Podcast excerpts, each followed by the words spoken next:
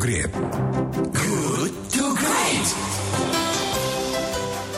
107,1 Kelight FM Bandung's Inspiring Sound Masih bersama saya Joel Syafi'i Tentu saja di Good to Great Because good is the enemy of great Dan kali ini saya mengajak Anda untuk mengikuti sesi diskusi Kelight FM Kita akan membahas topik tentang apa kabar tol laut Sudahkah interkoneksi yang dihasilkan mampu menurunkan tingginya biaya logistik di negara kita?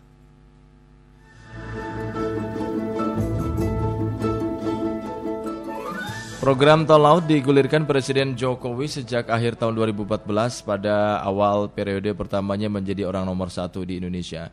Tapi sampai sekarang keberadaannya dinilai belum efektif mengurangi disparitas harga di sejumlah daerah. Nah, sasaran program ini masih sulit tercapai karena interkoneksi tidak berjalan efektif. Maka realisasi komitmen pemerintah untuk mengevaluasi dan memenuhi program dinantikan publik tentu saja ya. Tol laut merupakan konsep pengangkutan logistik kelautan yang bertujuan untuk menghubungkan pelabuhan-pelabuhan besar yang ada di Nusantara. Nah, dengan adanya hubungan antara pelabuhan-pelabuhan laut ini, maka dapat diciptakan kelancaran distribusi barang hingga ke pelosok sehingga terjadi pemerataan harga ya di setiap untuk untuk setiap barang di seluruh wilayah Indonesia. Nah, mengutip dari pidato Presiden Jokowi pada 5 April 2016 yang lalu. Tol laut untuk apa? Sekali lagi, ini mobilitas manusia, mobilitas barang, harga transportasi yang lebih murah, biaya logistik yang lebih murah, dan akhirnya kita harapkan harga-harga akan turun. Tetapi setelah beberapa tahun dijalankan, pertanyaannya bagaimana hasilnya? publik seolah ingin menagih kembali komitmen itu.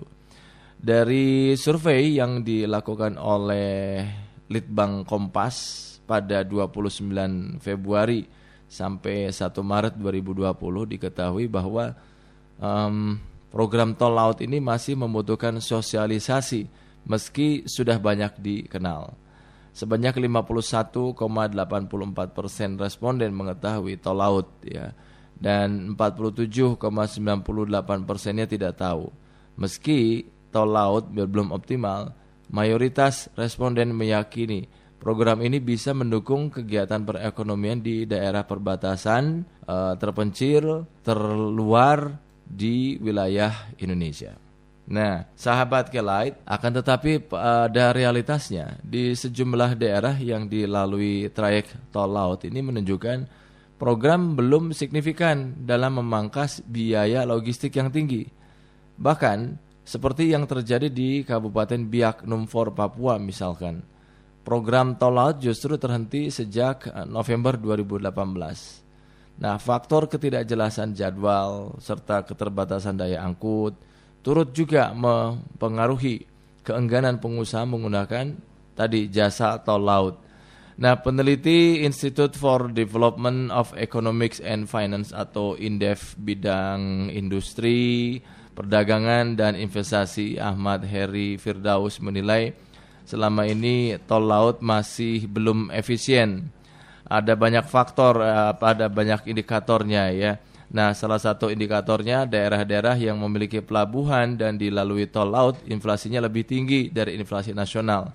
Nah, menurut Ahmad Heri, sejak awal konsep tol laut itu lebih mengedepankan paradigma transportasi sehingga sampai sekarang pun masih belum efisien. Padahal semestinya yang lebih tepat adalah paradigma supply chains, yaitu jaringan supply. Lantas apa kabar ini tol laut? Sudahkah interkoneksi yang dihasilkan menurunkan biaya logistik yang paling terkenal mahal di dunia? Lalu upaya evaluasi dan perbaikan seperti apa yang mesti dilakukan demi memangkas disparitas harga di sejumlah daerah. Pembangunan infrastruktur yang jor-joran di periode pertama pemerintah Jokowi belum merupakan mampu apakah sudah mampu menjadi daya ungkit. Untuk menjawab pertanyaan-pertanyaan tadi, kita akan diskusi dengan uh, narasumber yang pertama yaitu Ahmad Heri Firdaus, Beliau adalah peneliti Institute for Development of Economic and Finance Indef bidang industri, perdagangan, dan investasi.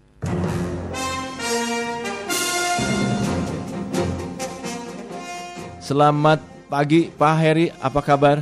Baik, alhamdulillah Kang Ijo. Pak Heri, program tol laut, tol laut ya digulirkan Presiden Jokowi sejak akhir 2014 ya di awal periode pertamanya jadi orang nomor satu lah Presiden gitu kan. Iya. Namun sekarang ini dinilai belum efektif mengurangi disparitas harga di sejumlah daerah. Bagaimana Iya. pandangan atau penilaian Indef sendiri?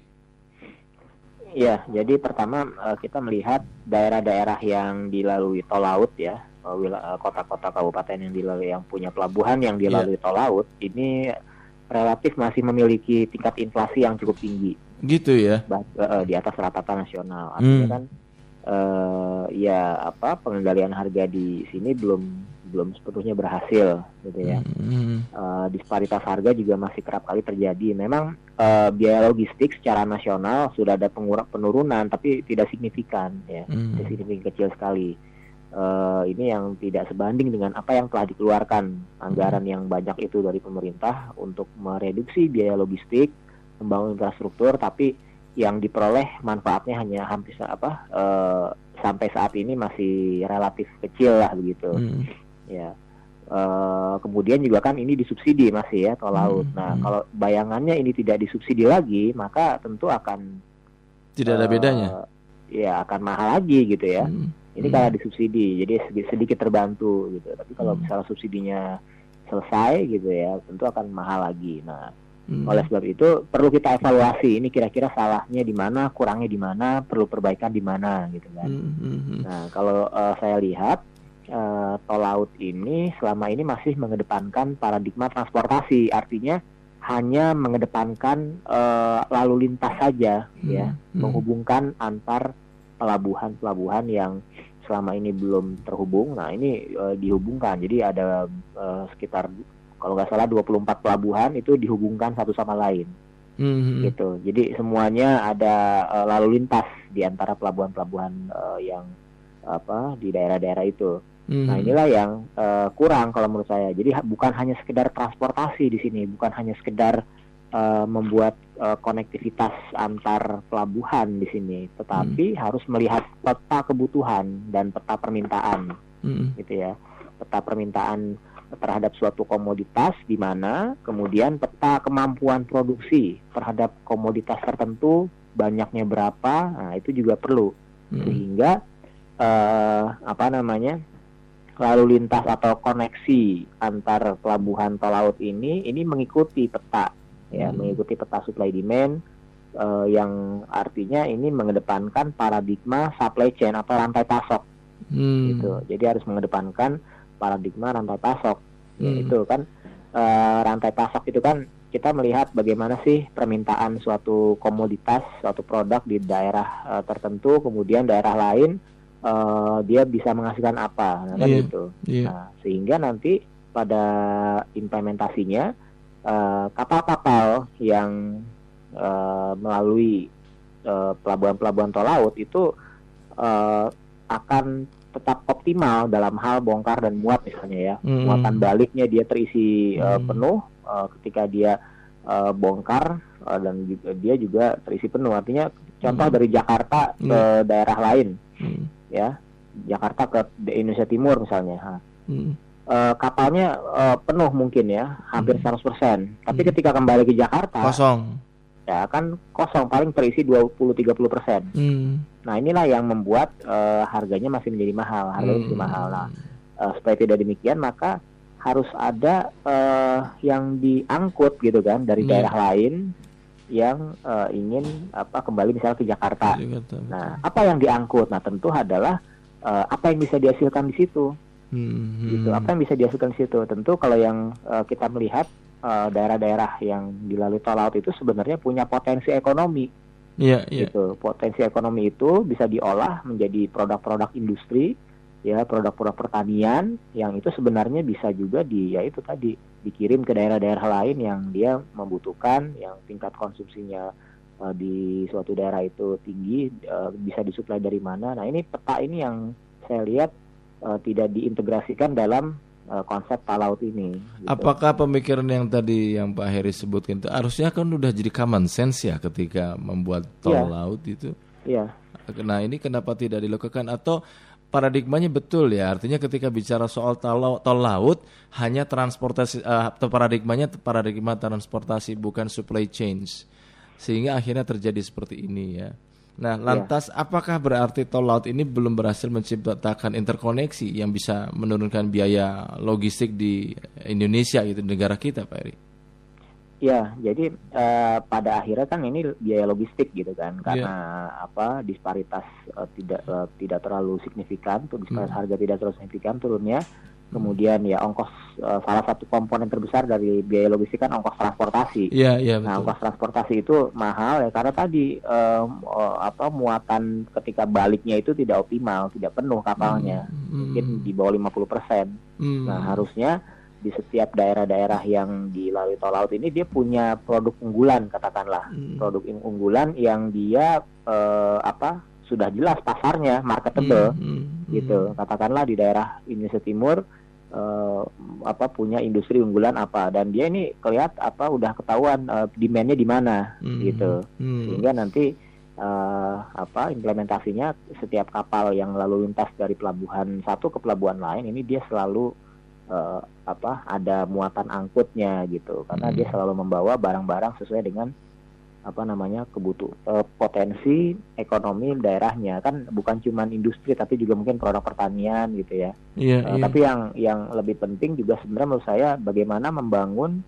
uh, infrastruktur uh, bu, apa namanya selain pelabuhan ya di setiap daerah hmm. uh, juga infrastruktur industrinya gitu hmm. infrastruktur industri agar uh, tercipta hilirisasi yang lebih optimal gitu ya. Hmm. Setiap daerah punya punya sumber daya alam. Nah, tinggal hmm. bagaimana diolah supaya menjadi produk yang bernilai tambah. Nah, hmm. ini kan perlu infrastruktur. Nah, hmm. Nah, infrastruktur itu yang uh, apa namanya saya lihat juga kurang optimal ya. Uh, seperti ya beberapa kawasan industri itu ya belum semuanya memang terutama di luar Pulau Jawa ya, di luar hmm. Pulau Jawa yang memang belum optimal kinerjanya. Begitu juga dengan kek ya. Ketika ini belum optimal, kemudian dilakukan hmm. evaluasi ya tadi utamanya misalkan adalah dari sisi paradigma dari aspek paradigma transportasi yang seharusnya bukan ya. cuma paradigma transportasi tetapi juga paradigma supply chain yang Anda katakan atau jaringan ya. supply. Lalu sebetulnya hambatannya di mana ya ketika pada kan sudah lima tahun ya Pak Edi? Ya memang eh, apa hambatan yang paling atau tantangan yang paling berat di sini adalah bagaimana setiap daerah itu bisa eh, apa namanya bisa menghasilkan produk unggulan yang kompetitif dan marketable hmm. gitu sehingga uh, itulah yang bisa uh, apa menjadi katakanlah uh, andalan daerahnya untuk selanjutnya di, dipasarkan di daerah lain misalnya gitu. Nah hmm. ini yang tantangan terberatnya menurut saya bagaimana membangun industri di daerah-daerah lain di daerah-daerah di luar Pulau Jawa hmm. gitu hmm. di katakanlah di Indonesia uh, Tengah atau Timur ya uh, membangun industri yang apa namanya yang memanfaatkan hasil sumber daya alam mereka itu yang yang ini tantangan yang sulit karena perlu waktu untuk mendatangkan investor ya investor dalam jumlah yang mungkin besar yang hmm. bisa uh, apa uh, yang skala usahanya besar yang yang hmm. apa bisa menciptakan produk hilir di daerah tersebut sesuai dengan uh, kompetensi daerahnya. Nah, yeah, inilah yeah. yang yang yang cukup uh, uh, tantangannya di situ. Terus gitu. lalu Sehingga, kalau hmm. ini sudah berjalan lima tahun uh, program tol laut ini belum menampakkan hasil ya yang diharapkan tujuan seperti tujuan ditetapkan. Upaya apa yang mesti atau segera kita lakukan ini Pak Eri? Ya pertama uh, melakukan pemetaan ya pemetaan bagaimana bisa kita bisa melihat uh, supply chain ya mm-hmm. uh, supply chainnya rantai pasoknya uh, yang ini bisa ha- harusnya setiap daerah uh, apa punya daerah apa punya uh, produk unggulan gitu mm. nah produk unggulannya apa nah, kemudian uh, apa namanya dioptimalkan hilirisasinya dioptimalkan uh, nilai tambahnya hmm, gitu hmm. sehingga uh, ini bisa menjadi katakanlah ya unggulan dari setiap daerah. Nah, cuma perlu dipilih juga produk-produk unggulan ini tentu yang bisa diserap di pasar, terutama yeah. pasar dalam negeri gitu mm. ya hmm. atau pasar ekspor. Nah, jadi kalau misalnya ada produk unggulan tapi ternyata demandnya sedikit ya kan juga nggak ada yang beli nanti kapalnya juga nggak akan ngangkut itu Mhm. gitu jadi Mhm. dipetakan dulu demand dan eh, kemampuan supply di setiap daerah itu bisa mensuplai apa Mhm. mulai dari hulu sampai produk hilirnya Mhm. gitu nah dalam membangun eh, penguatan struktur industri dari hulu ke hilir ini ini memang tahapan yang cukup sulit tantangannya besar di situ Iya, iya, iya, Gitu. iya. Kalau, Itu yang jadi kalau- tantangan terbesar ya. Betul, iya. Baik. Kalau hanya sekedar eh, apa meng- mengkoneksikan pelabuhan-pelabuhan dengan kapal-kapal itu kan ya bisa Iya. relatif cepat gitu. Itu ya. sudah terjadi malah bahkan ya. Iya, itu yang saat ini pemerintah lakukan kan bagaimana menambah kapal ya pelabuhan Hmm. kapasitas ditambah. Hmm. Nah, cuman juga ya ada harus ada pembenahan juga katakanlah supaya produktivitas pelabuhan itu juga semakin meningkat gitu. Hmm. Atau mungkin justru memang betul-betul eh, ya ini ya program tol laut tidak berbicara tentang supply chains gitu loh. Iya, kan tujuan akhirnya apa gitu. Iya, kan. iya, iya. Tujuannya itu untuk eh, apa? menurunkan disparitas, Disparitas harga harga betul. eh, eh, biaya Betul. logistik ditekuk supaya bisa direduksi. Baik. supaya baik. daya saing meningkat kan gitu. Meningkat, ya. Baik, Pak Heri terima kasih atas Ya. waktunya pagi ini mendapat referensi yang bagus dari Ijul. Anda. Selamat Ya. pagi, sukses untuk Anda. Pagi, Iya. kasih. Demikian sahabat Kelight Ahmad Heri Firdaus, peneliti Institute for Development of Economic and Finance Indef bidang industri, perdagangan dan investasi. Dan seperti biasa sahabat Kelight sebagai civil society pemilik kekuasaan tertinggi yang memberi mandat kepada negara dan pemerintah.